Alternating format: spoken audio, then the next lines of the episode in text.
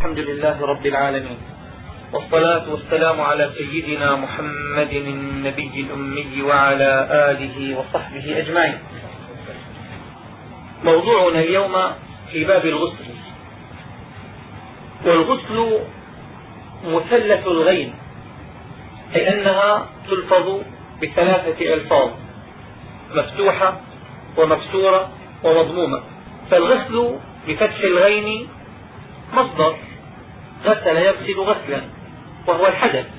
وأما الغسل بكسر الغين هو ما يغسل به الرأس أو اليد من السدر والصابون وغير ذلك. وأما الغسل بالضم فهو اسم للاغتسال واسم للاغتسال من الجنابة أو نحوها. وكذلك يطلق على الماء الذي يغتسل به فهو يطلق على أمرين هو اسم للفعل الذي يفعله الإنسان حينما يغتسل عن الجنابة وفي نفس الوقت هو اسم للماء الذي يستعمله الإنسان في الغسل من الجنابة. وهو في اللغة مطلق السيلان أو سيلان الماء على الجسم أو غيره مطلقا. كل سيلان يقال له غسل أو يقال فيه غسل. هذا معناه في اللغة. وأما معناه في الشرع فهو سيلان الماء على جميع البدن بحيث يعم كل جزء من أجزائه. وبناء على ذلك لا يكفي فيه المسح بالاتفاق. الوضوء بعض أعضاء الوضوء يغسل. لا بد فيه من جريان الماء كما مر معنا. وبعض أعضاء الوضوء كالرأس يكفي فيه المسح ولا يشترط فيه سيلان الماء. وأما الغسل فلا بد فيه من سيلان الماء على جميع أجزاء الجسد فإذا لم يسل الماء عليه لا يعتبر غسلا. وأما موجبات الغسل ما الذي يجعل الغسل واجبا؟ كلكم درستم في بطن أبي الشجاع أن موجبات الغسل ستة أشياء.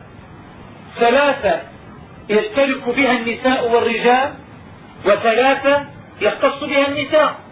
أما الثلاثة التي يشترك بها النساء والرجال فهي الموت والجنابة وخروج المني.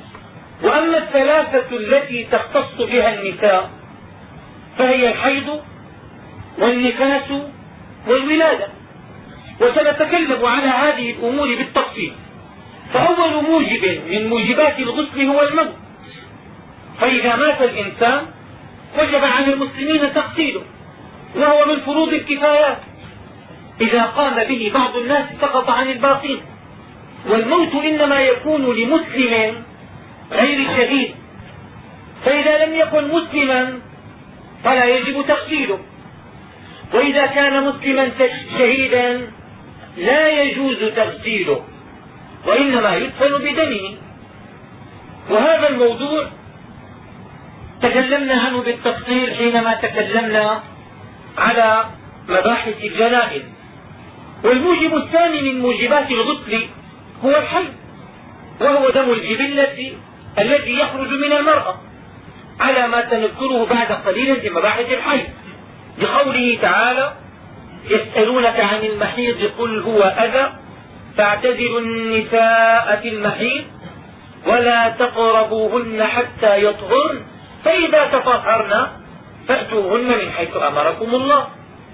ولخبر البخاري رضي الله تعالى عنه أنه صلى الله عليه وسلم قال لفاطمة بنت أبي حبيش إذا أقبلت الحيضة فدع الصلاة وإذا أدبرت فاغتسلي وصلي. أوجب النبي عليه الصلاة والسلام أوجب عليها الغسل إذا طهرت من الحيض حتى تصح صلاتها. فالموجب الثاني من موجبات الغسل هو الحيض. أولا الموت ثانيا الحيض. وأما الثالث فهو النفاس. والنفاس كان موجبا للغسل لأنه دم حيض قد اجتمع وبعد ذلك خرج عقب الولادة. وبالنسبة للحيض والنفاس قلنا إن كلا من الحيض والنفاس موجب للغسل. ولكن متى يجب على المرأة أن تغتسل؟ هل يجب عليها أن تغتسل بمجرد انقطاع دم الحيض وبمجرد انقطاع دم النفاس؟ أم أنها لا يجب عليها أن تغتسل إذا انقطع الدم؟ وإنما يجب عليها الاغتسال إذا أرادت القيام إلى الصلاة ما الذي يوجب الغسل عليها؟ لا شك أنه إذا انقطع دمها لنفترض أن امرأة طهرت مع الظهر أو قبل الظهر بساعة طهرت بعد شروق الشمس هذه المرأة لا تجب عليها صلاة نظام لأن ما بين شروق الشمس إلى أذان الظهر لا توجد صلاة مفروضة فهي لا تريد أن تصلي. إذا لا يجب عليها أن تتوضأ ولا يجب عليها أن تكون طاهرة. فمجرد انقطاع الدم لا يوجب على المرأة أن تغتسل وإنما الذي يوجب عليها الغسل مع انقطاع الدم شيء آخر ألا وهو إرادة الصلاة. فإذا أرادت أن تصلي لا بد لها أن تغتسل حتى تصح صلاتها. فإذا موجب الغسل في الحقيقة أمران. الأمر الأول انقطاع الدم لأنه لو كان الدم موجودا لما صح لها أن تغتسل. والشيء الثاني إرادة القيام إلى الصلاة لأنها لو لم تجب عليها الصلاة لما وجب عليها أن تغتسل. فالذي يوجب الغسل في الحقيقة أمران انقطاع الدم وإرادة القيام إلى الصلاة أو إرادة شيء لا يجوز للمرأة أن تفعله إلا إذا كانت متطهرة. كما لو أرادت مس المصحف أو أرادت حمله أو أرادت تلاوته لأن الحائض لا يجوز لها أن تكسر المصحف أو أرادت الطواف أو أرادت المكث في المسجد. كل هذه الأمور مما توجب عليها أن تغتسل إذا أرادت أن تفعلها فإذا موجب الغسل بالنسبة للحيض والنفاس أمران انقطاع الدم وإرادة فعل شيء يتوقف فعله على الطهارة. وأما الموجب الرابع من موجبات الغسل فهو الولادة. إذا ولدت المرأة بغض النظر عن النفاس. الولادة شيء والنفاس شيء آخر. الولادة خروج الولد سواء أنزل بعده دم أو لم ينزل. وأما النفاس فهو الدم الذي ينزل بعد الولادة. وبناء على ذلك الولادة وحدها موجب للغسل والنفاس وحده أيضا موجب للغسل. فإذا ولدت المرأة وجب عليها أن تغتسل والولادة تكون بخروج الولد كاملا. فإذا ما ألقت المرأة جزءا من الولد على افتراض حدوثه كان ألقت يدا أو ألقت رجلا أو ألقت أصبعا مثلا من أصابعه فهذا لا يجب عليها الغسل. ولا تفطر به الشيء الخامس هو الجنابة.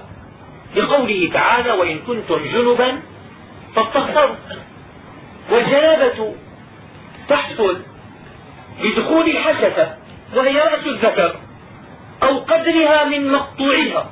بدخول الحشفة أو قدرها من مقطوعها. على افتراض أن ذكر الإنسان قد قطع من رأسه فما هو المقدار الذي لو دخل في الفرج الذي سنذكره بعد قليل؟ ما هو المقدار الذي لو دخل يكون موجبا للغسل؟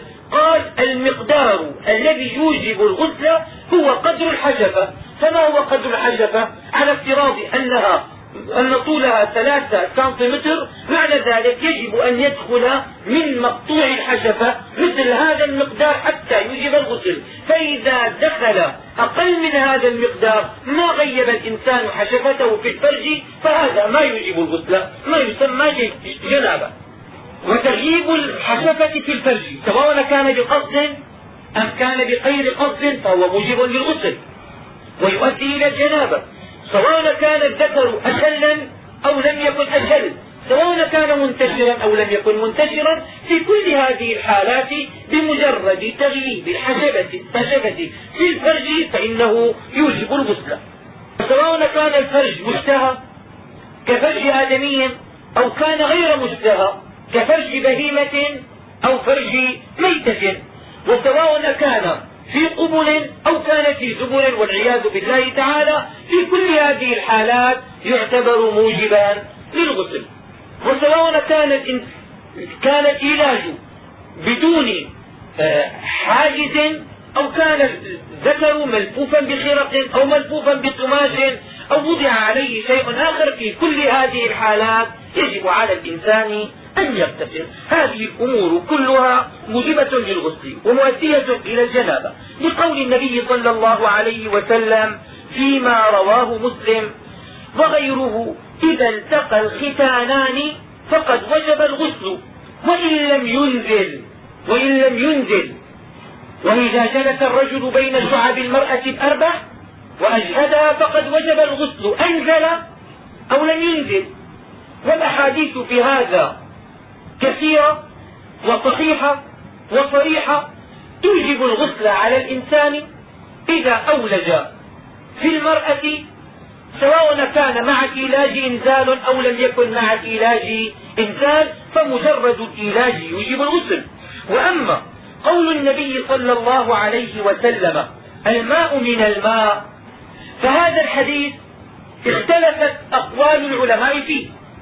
مع اتفاقهم على أن الغسل يجب بمجرد العلاج سواء صحبه الإنزال أو لم يصحبه الإنزال. فقالوا في هذا الحديث أكثر العلماء على أنه منسوخ وإنما كان هذا في بداية الإسلام. وبعد ذلك أوجب النبي صلى الله عليه وسلم على الإنسان أن يغتسل بمجرد الإيلاج أنزل أو لم ينزل. وإنما كان في بداية الإسلام إذا أولج الإنسان ولم ينزل لم يجب عليه الغسل. فقال أكثر العلماء إن هذا الحديث منسوخ. وقال بعض العلماء وعلى رأسهم عبد الله بن عباس رضي الله تعالى عنهما بأن معناه أنه لا يجب الغسل بالاحتلال إلا أن ينزل. فحمل هذا الحديث على حالة الاحتلام قال إذا احتلم الإنسان ولكنه لم يجد في ثوبه شيئا وكثيرا ما يقع من الإنسان مثل هذا. يحتلم الإنسان ويظن نفسه أنه قد أنزل ويفتح عينيه ولكنه لا يجد شيئا في ثيابه. ما يجد من نفسه إنزالا. قال عبد الله بن عباس رضي الله تعالى عنهما على هذه الحالة يحمل حديث النبي صلى الله عليه وسلم الماء من الماء أي أن الإنسان إذا رأى ما يوجب الغسل إلا أنه استيقظ ولم يجد في ثوبه شيئا فإنه لا يجب عليه الغسل فالماء الذي يجب عليه استعماله إنما يكون من الماء الذي هو المني الخارج من الإنسان. وعلى كلا الحالين وبالاتفاق بين جميع الفقهاء إذا أولج الإنسان فقد وجب عليه الغسل أنزل أو لم ينزل بغض النظر عن هذا الحديث وبغض النظر عما قيل فيه فإن قلنا فيه إنه منسوخ فالأمر بين وإن قلنا فيه كما قال عبد الله بن عباس فالأمر بين أيضا. وليس المراد بالتقاء الختانين هو انضمامهما.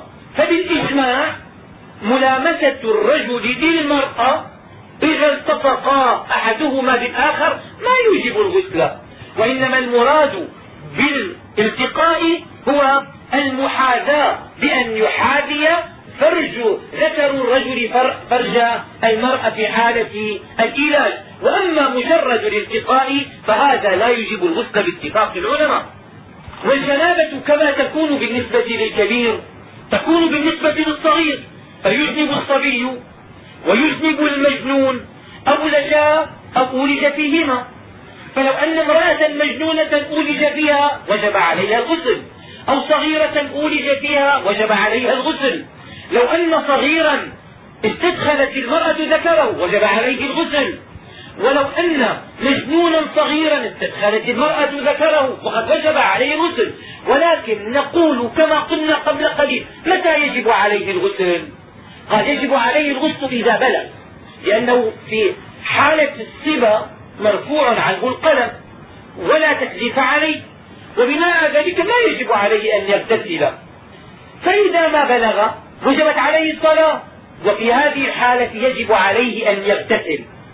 فإذا لم يبلغ واغتسل في حالة الصبا لم يبلغ واغتسل في حالة الصبا قال يصح غسله كما تصح صلاته وكما تصح عبادته. فإذا اغتسل في حالة الجنون أو في حالة الصبا فإنه يصح غسله ولكنه لا يجب عليه. فإذا ما بلغ وأراد القيام إلى الصلاة فإنه يجب عليه أن يغتسل في هذه الحالة. والأمر الأخير من موجبات الغسل هو خروج المني. نحن الآن تكلمنا على العلاج تكلمنا على ما يؤدي إلى الجنابة.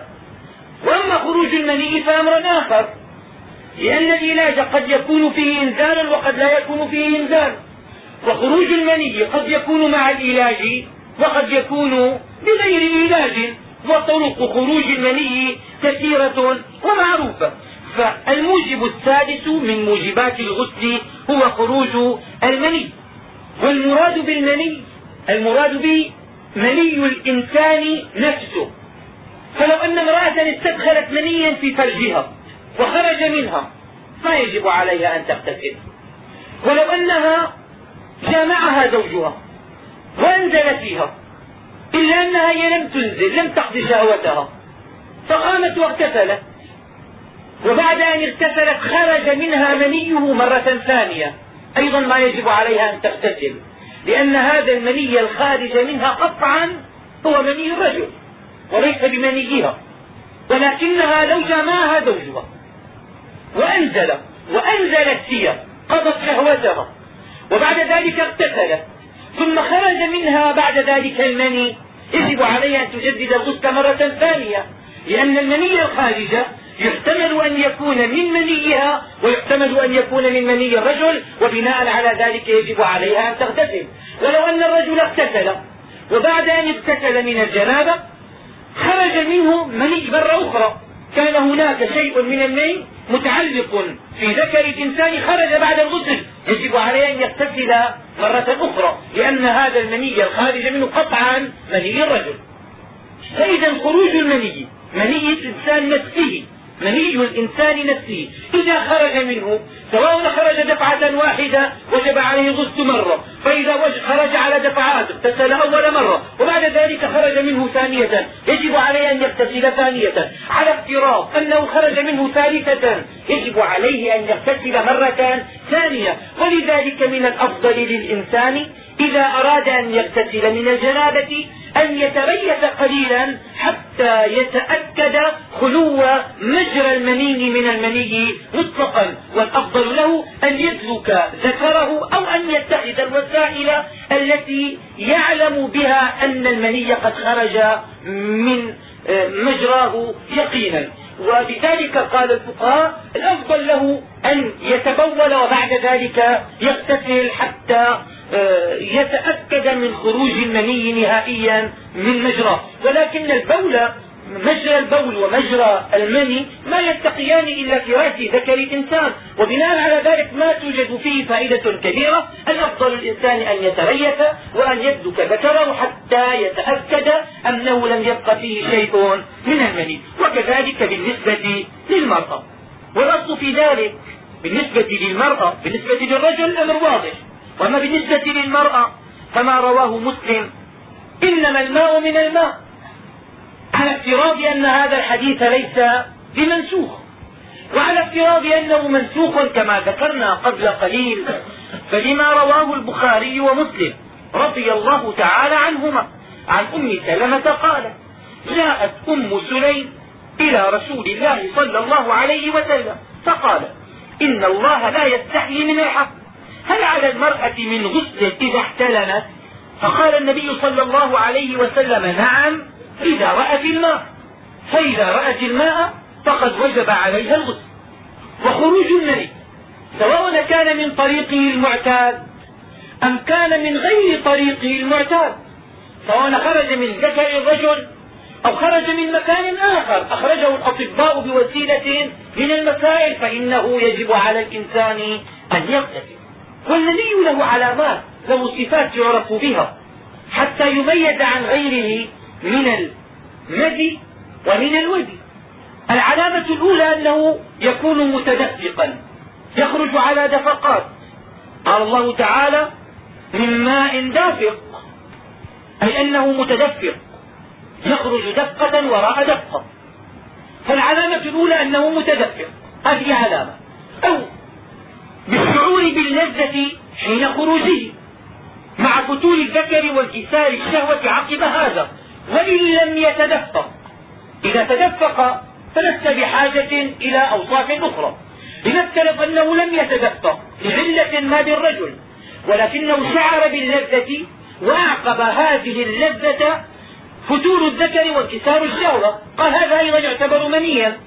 وأما العلامة الثالثة أن يكون له ريح أن يكون له ريح عجين حال كونه رطبا وأن يكون له ريح بياض البيض حال الجفاف فهناك ثلاث علامات نستطيع أن نعرف بواسطتها المني.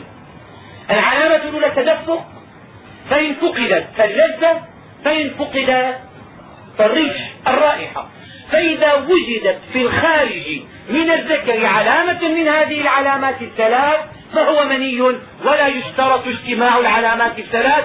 وإن كان في الأهم الأغلب من الأحوال يجد الإنسان العلامات الثلاث. معا يخرج متدفقا وتكون معه لذة وتكون له رائحة. لكن على افتراض أنه ما وجدت فيه إلا علامة من هذه العلامات فإنه يعتبر منيا ويجب على الخارج منه أن يغتسل. فإن فقد الصفات المذكورة كلها فإنه لا يعتبر منيا وإنما يعتبر نبي أو ودي أما النبي فهو ما يخرج من الذكر أو يخرج من فرج المرأة عقب ثوران الشهية. هذا يعتبر مزيا. وأما الودي فهو ما يخرج من الإنسان عقب حمل شيء ثقيل أو عقب البول إما أن يحمل شيئا ثقيلا فيؤدي إلى خروج الودي منه وإما أن يكون عقب البول في كثير من الحالات. يخرج من الإنسان شيء أبيض ثخين هذا يسمى ودي وليس بمني. فإذا وجدت علامة من العلامات الثلاث أو وجدت العلامات الثلاث فهو مني. فإذا عدمت العلامات الثلاث فهو إما أن يكون مزيا وإما أن يكون وديا وفي المزي والودي لا يجب على الإنسان الغسل وإنما يجب عليه فقط أن يغسل ذكره وبعد ذلك يتوضأ. لا شك أن خروجه من الذكر أو أن خروجه من الفرج موجب للوضوء ولكنه ليس موجبا للغسل. وفي نفس الوقت هو نجس بينما المني طاهر كما مر معنا في مباحث نواقض الوضوء. هذا بالنسبة لموجبات الغسل. وأما بالنسبة للأشياء التي تحرم بالغسل أولا يحرم بالغسل بالجنابة. ما حرم بالحدث؟ وقد عرفنا في مباحث الوضوء ما يحرم بالحدث الأصغر يحرم به الصلاة ويحرم به الطواف ويحرم به مس المصحف ويحرم به حمله. فيحرم بالحدث الأكبر يحرم بالجنابة ما يحرم بالحدث الأصغر. ويزاد على ذلك شيئان. بالنسبة للجنابة والحيض. الشيء الأول المكس لمسلم في المسجد أو التردد فيه لغير عذر لقوله تعالى لا تقربوا الصلاة وأنتم سكارى حتى تعلموا ما تقولون ولا جنبا إلا عابري سبيل قال ابن عباس رضي الله تعالى عنهما وغيره أي لا تقربوا مواضع الصلاة. ولقول النبي صلى الله عليه وسلم لا أحل المسجد لحائض ولا جنب.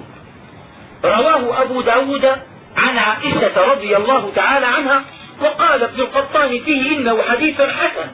وبناء على ذلك يحرم على الجنب كما يحرم على الحائض المكث في المسجد.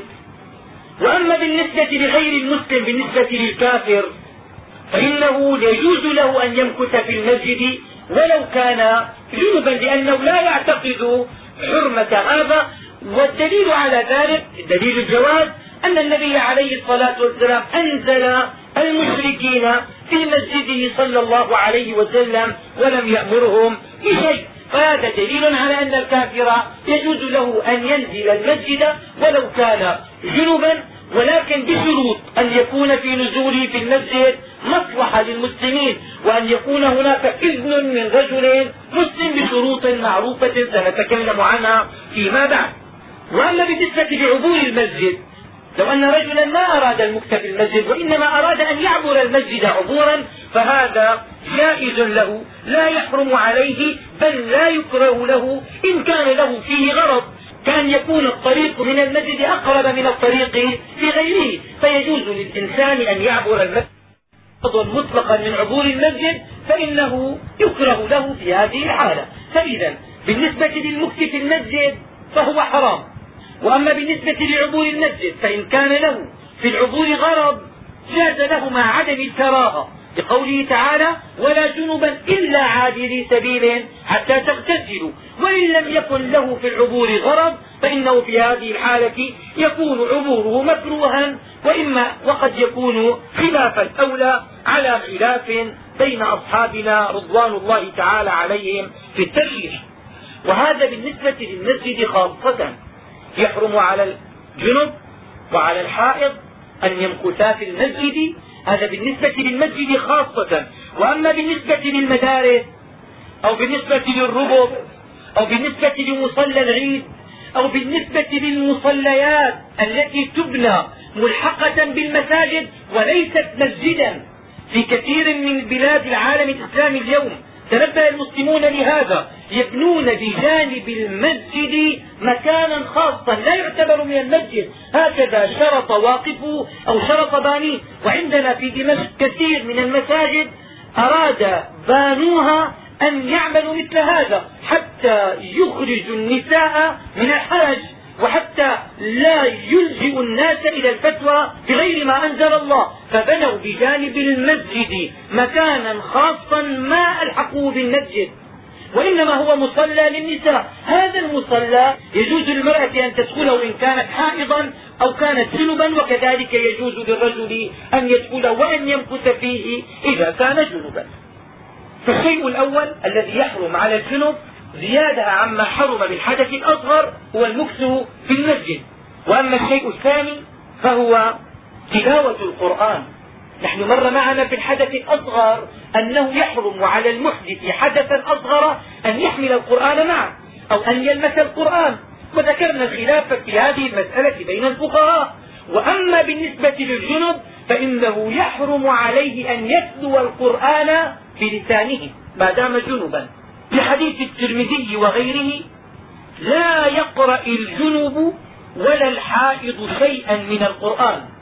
إما أن تقرأه مضموما وتكون الله هنا نافية لا يقرأ الجنب شيئا من القرآن ويكون قد خرج مخرج الخبر إلا أنه خبري لفظا إنشائي معنى كقول الله تعالى والوالدات يرضعن أولادهن حولين كاملين وقرئ لا يقرأ الجنوب شيئا من القرآن وعلى هذا تكون اللام ناهية ويكون النص صريحا. وعلى كلا الحالين سواء قرأناه مرفوعا لا يقرأ الجنب فهو خبري لفظا إنشائي معنى أو قرأناه مكسورا على أن اللام ناهية. في كلا الحالين قال العلماء بأنه يدل على تحريم قراءة القرآن للجنب وهذا الحديث وإن كان ضعيفا إلا أنه له متابعات ترقى به إلى درجة الحسن كما قال المحدثون والحفاظ رضوان الله تعالى عليهم. اجمعين والمراد بالقراءة هو أن يحرك الإنسان لسانه بحيث يسمع نفسه بحيث يسمع نفسه. فإذا ما حرك الإنسان لسانه ولكنه لم يسمع نفسه لم تخرج الحروف من شفتيه لم يخرج صوت من فمه. هذا ما يسمى قراءة وبناء على ذلك لا يكون حراما. ولذلك يجب أن يتنبه الناس لهذا أو يجب عليكم أن تنبهوا الناس لمثل هذا. هناك طائفة من الناس في هذا العصر عصر الجاهلية العلمية في دين الله تعالى. ما دام صار الأمر أمر اجتهاد كذا حتى الصبية في الشوارع والطرقات صار عمل في دين الله تعالى. وجدت كثيرا من الناس ممن ينتسبون للدعوة ممن يقال فيهم إنهم دعاة يقرأ ولا يحرك شفته ولا يحرك لسانه ابدا. فذكرت له إن هذا قلت له إن هذا مبطل الصلاة لأنك لم تقرأ. والله أوجب عليك القراءة. إمرار القرآن على القلب. ما يسمى قراءة؟ القراءة التي أمر بها الشرع أمر النبي عليه الصلاة والسلام. الرجل أن يقرأ في صلاته الفاتحة. ما تسمى قراءة إلا إذا حرك بها لسانه وأسمع بها نفسه. في حالة كون أعضائه سليمة. أما إذا كان به صنم لا عبرة بهذا طبعا. المراد أنه لو كان سليم الأعضاء لكان يسمع.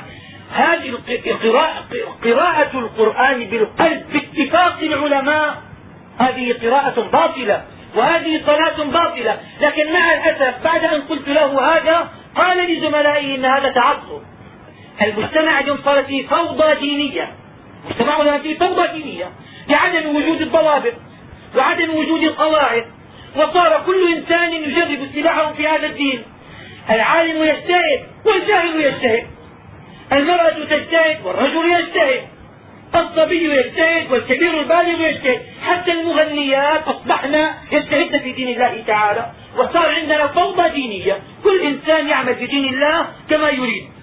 وهذه الواقعة ما انقلها عن الناس وإنما جرت معي. أنا مباشرة. والذي قلت له ما زال موجودا وتتبعته فترة طويلة من الزمان والله ما كان يحرك شفته ولا يحرك لسانه. وعندما ناقشته بهذا قال هذا تسمت إن شاء الله. ماذا ما لا سلطان لي عليه. لو كان هناك قضاء شرعي لعزله على هذا الكلام. لأن هذا لا يصلي يعبث في دين الله تعالى. هذا أكبر العبث في دين الله تعالى. فلو أن الإنسان القرآن على قلبه وحرك به لسانه. ولكنه لم يخرج صوتا ما يسمى تاليا بالقرآن. وبناء على ذلك يجوز له هذا ولو كان جنبا. المراد بالقراءة أن يحرك الإنسان بما يتلوه أن يحرك به لسانه وأن يسمع به صوته فيما لو كانت أعضاؤه سليمة.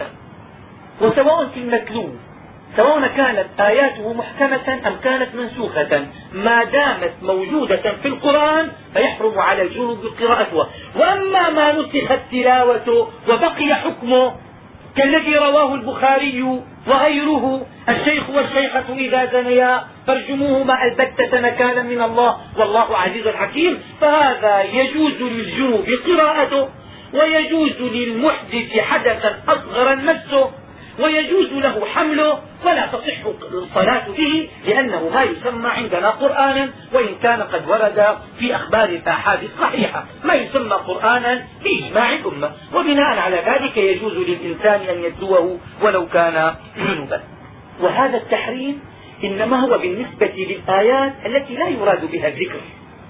وأما ما كان من الآيات على سبيل الذكر كقول الإنسان حينما يركب الدابة أو السيارة سبحان الذي سخر لنا هذا وما كنا له مقرنين. وكقول الإنسان عند المصيبة إنا لله وإنا إليه راجعون.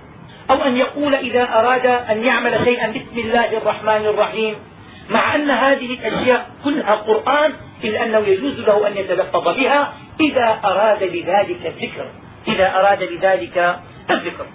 فإذا الذي يحرم عليه من القرآن ما لم يرد به ذكرا فإذا أراد به الذكر ان قصد القرآن وحده أو مع الذكر حرم. إذا قصد القرآن وحده أو قصد القرآن مع الذكر حرم وإن قصد الذكر فإن هذا لا يحرم عليه. هذا بالنسبة للأشياء التي تحرم بالحدث الأكبر بالجنابة. وأما بالنسبة لما يجب على الإنسان فعله الغسل ما هي واجبات الغسل؟ ليس موجبات الغسل. موجبات الغسل عرفنا ستة أشياء ما هي واجبات الغسل؟ وما هي سنن الغسل؟ أما واجبات الغسل فهي شيئان الذي يجب على الإنسان إذا أراد أن يغتسل شيئان الأمر الأول النية. نية رفع الجنابة. إن كان جنبا أو رفع حدث الحيض إن كانت المرأة حائضا. وتكفي نية رفع الحدث عن كل البدن أو مطلقا. أن يقول الإنسان نويت رفع الحدث أو نويت السباحة مفتقرا إلى طهر أو نويت أداء فرض الغسل أو نويت فرض الغسل أو نويت الغسل المفروض أو نويت أداء الغسل. وكذلك نويت الطهارة للصلاة. وقد مرت معنا كثير من الصيغ المشابهة لهذه الصيغ عند الكلام على نية الوضوء. فما ذكرناه هناك تقريبا نذكره هنا. حقيقة النية وحكمها ومحلها وزمانها وكيفيتها والقصد فيها كلها قد ذكرناه. كل ما ذكرناه في مباحث الوضوء عند الكلام على النية فيه يجب علينا أن نذكره هنا بالنسبة للنية ولا داعي للتكرار. هذا هو الأمر الأول النية. إنما الأعمال بالنيات وإنما لكل امرئ ما نوى. وأما الأمر الثاني فهو تعميم شعره وبشره بالماء. يجب عليه أن يعمم شعره ظاهرا وباطنا. نحن حينما تكلمنا نحن حينما تكلمنا على فرض غسل الوجه في الوضوء قلنا بالنسبة للحية أو الشعور النابت على الوجه قلنا بالنسبة للحية إن كانت كثة فيجب عليه أن يغسل ظاهرها ولا يجب عليه غسل باطنها. يجب عليه أن يغسل ظاهرها ولا يجب عليه غسل باطنها.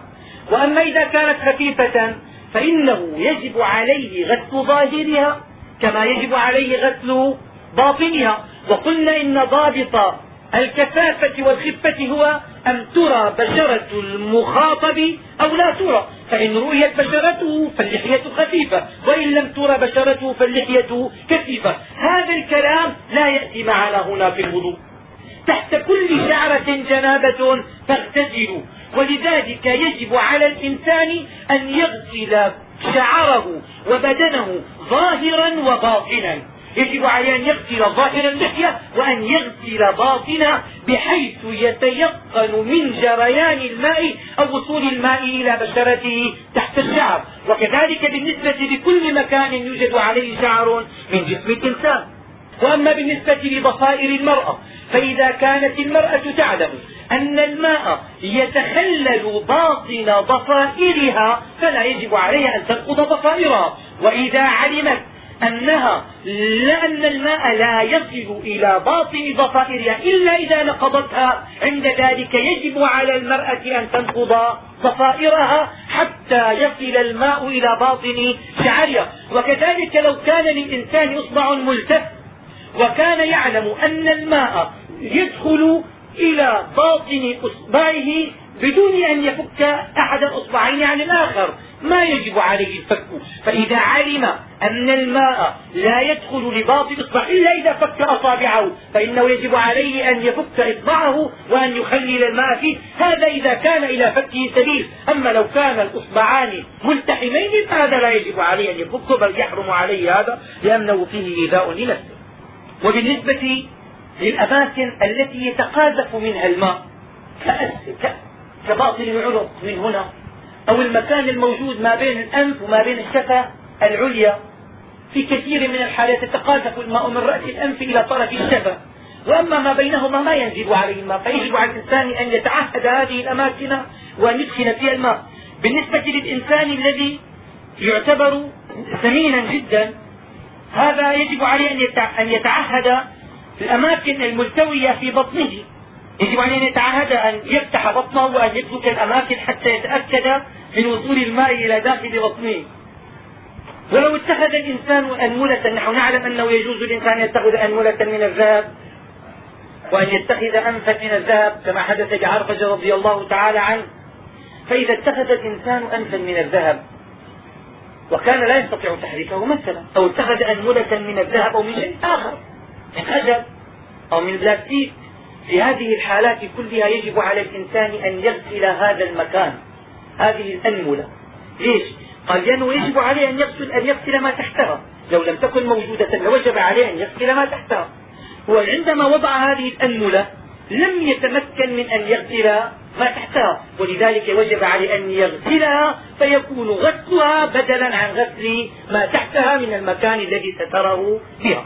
وهذا بخلاف بخلاف الوضوء فيما لو قطعت يد الإنسان من وراء المرفق فيما لو قطعت مثلا من المنكب فإنه ووضع يدا من الخشب أو من البلاستيك فإنه لا يجب عليه غسلها لأن الفرض سقط عن العضو مطلقا. ما يوجد عنده عضو يجب غسله وبناء على ذلك ما يجب عليه غسلها. وهنا وجب عليه الغسل لأنه يجب عليه غسل ما تحتها من المكان الذي سترته. فلما لم يتمكن من فعل هذا وجب عليه أن يغسلها بدلا عن المكان المستور هذه هي واجبات الغسل. اولا النية وثانيا تعميم الجسد من شعر وبشر بالماء بحيث يصل الماء إلى كل جزء من أجزاء الجسد. وليتعهد الإنسان الأماكن التي يظن أن الماء لا يصل إليها إلا بواسطة الدلك أو بعناية خاصة. ولا تجب المضمضة عندنا.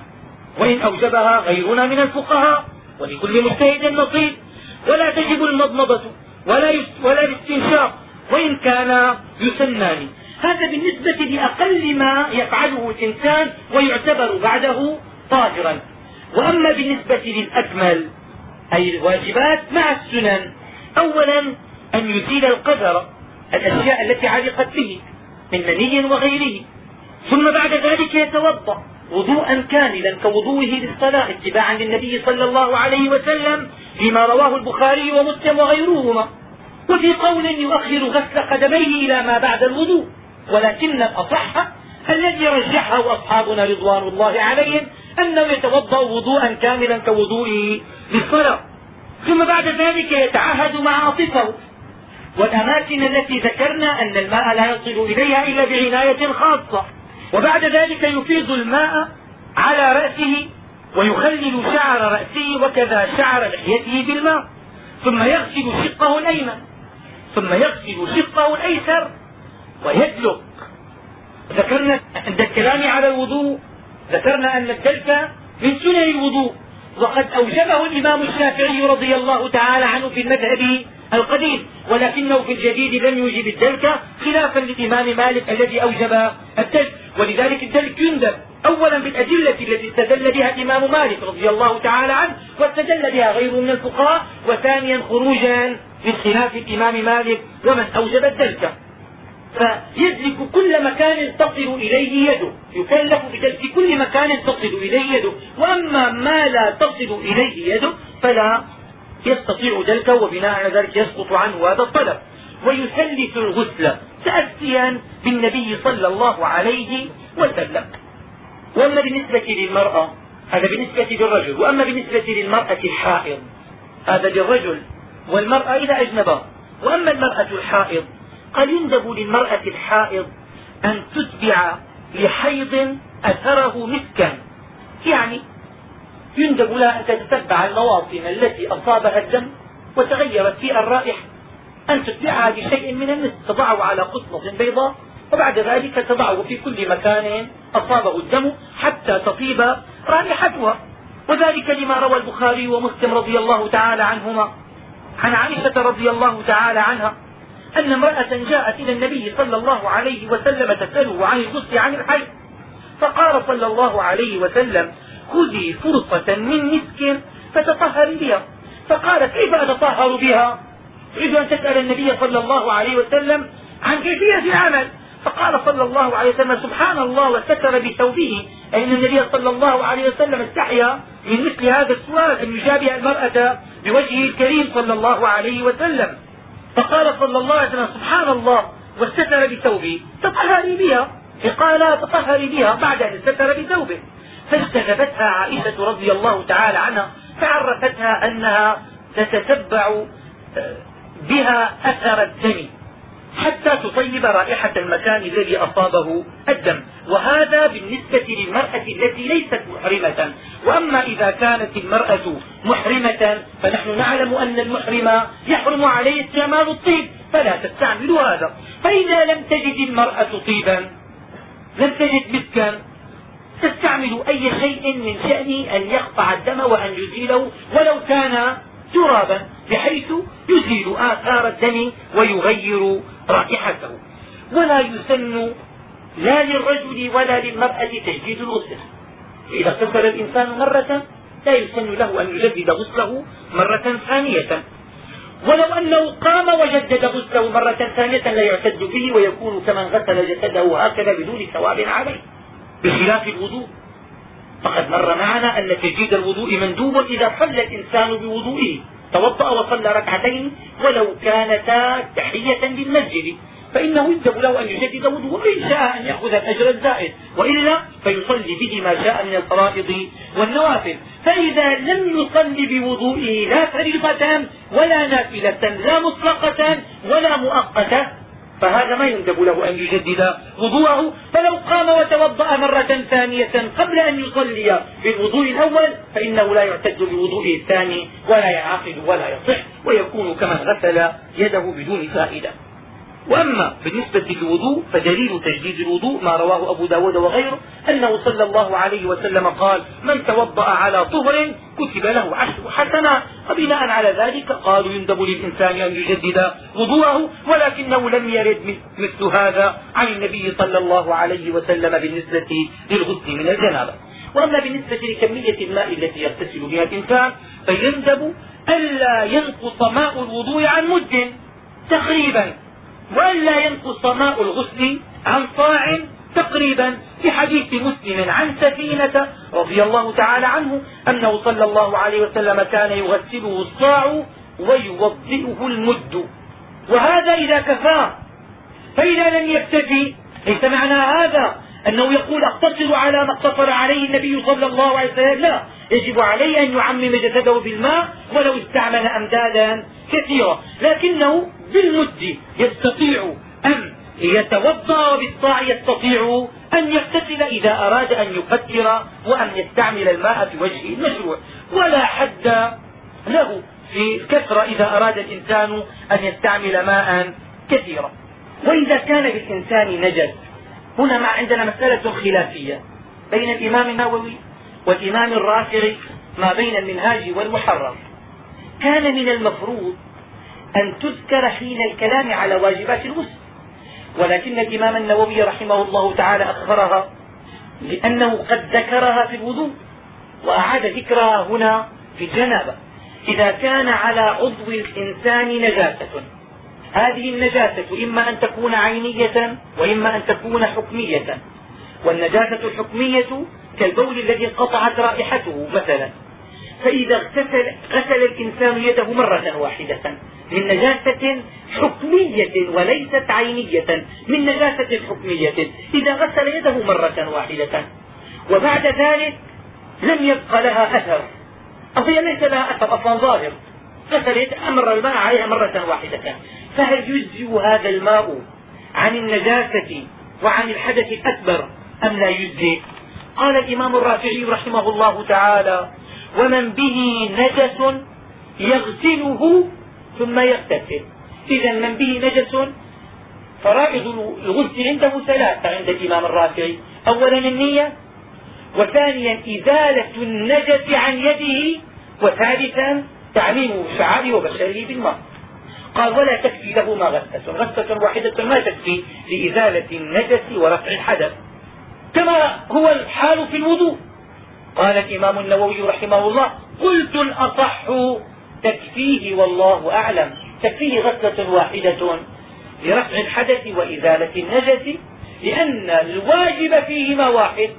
يعني وجب عليه إزالة النجاسة فإذا زالت النجاسة زال الحدث فتكفيه الغسلة الواحدة كما يقول الإمام النووي. وهذا من المسائل التي خالف بها الإمام النووي الإمام الرافعية فمن كان منكم يجمع هذه المسائل فليضف إليها هذه المسألة. ومحل الخلاف إذا كان النجس حكميا ويرفعه الماء بحيث كان الماء كثيرا نتيقن أنه رفع الحدث ومر بعده فأزال النجس. وأما إذا كان النجس عينا وغسله أول مرة لكن بقي للنجاسة أثر فإنه يجب عليه أن يغسله حتى يزول فلا تكفيه الغسلة الواحدة. يجب عليه أن يغسله حتى يزول فإذا زال عين النجاسة ارتفع عن الإنسان الحدث. ومن اغتسل لجنابة وجمعة هل تتداخل الاغتسالات المسنونة؟ نعم. قد تدخل مع الفريضة. كما أن تحية المسجد تدخل في أي صلاة بالنسبة لداخل المسجد كذلك غسل الجمعة. المراد به النظافة. فإذا اغتسل الإنسان لجنابة وأدخل فيه نوى به مع غسل الجنابة غسل الجمعة فقد حصلا معا ويكون قد اغتسل من الجنابة واغتسل للجمعة. أو نوى أحدهما نوى الجمعة فقط. يصح للجمعة ولا يصح عن الجنابة. أو نوى الجنابة فقط يصح عن الجنابة ولا يصح عن الجمعة. هنا مسألة زادها الإمام النووي على الإمام الرافعي رضي الله تعالى عنه فقال قلت ولو أحدث ثم أجنب وعكسه كفى الغسل على المذهب والله أعلم أي أن الغسل يرفع الحدث الأكبر والحدث الأصغر سواء أتقدم الحدث الأصغر على الحدث الأكبر أم تقدم الحدث الأكبر على الحدث الأصغر لقول النبي صلى الله عليه وسلم أما أنا فأحفي على رأسي ثلاث حثيات فإذا أنا قد طهرت. هكذا قال النبي صلى الله عليه وسلم فيما رواه ابن ماجه وغيره عن جبير بن مطعم ولم يفصل صلى الله عليه وسلم بينما إذا كان محدثا أو لم يكن محدثا والغالب في الجنابة أنه يصاحبها الحدث. الغالب في الجنابة أنه يصاحبها الحدث لأن الجنابة ما تكون إلا عن علاج ولا سيما بالنسبة للنبي صلى الله عليه وسلم. قال فإذا أنا قد طهرت أي طهر من الحدث الأكبر وطهر من الحدث الأصغر. فالحدث الأصغر يدخل في الحدث الأكبر. سواء توضا الإنسان أو لم يتوضأ؟ والوضوء نحن إنما ذكرناه سنة من سنن الغسل. فإذا توضأ الإنسان واغتسل فقد ارتفع حدثه ولا حاجة للكلام. وإذا اغتسل ولم يتوضأ يكون قد ترك سنة من سنن الغسل ولكنه يكون قد ارتفع حدثه الأكبر وحدثه الأصغر. نعم. نوى ذلك أو لم ينوه. وصلى الله على سيدنا محمد وعلى آله وصحبه وسلم.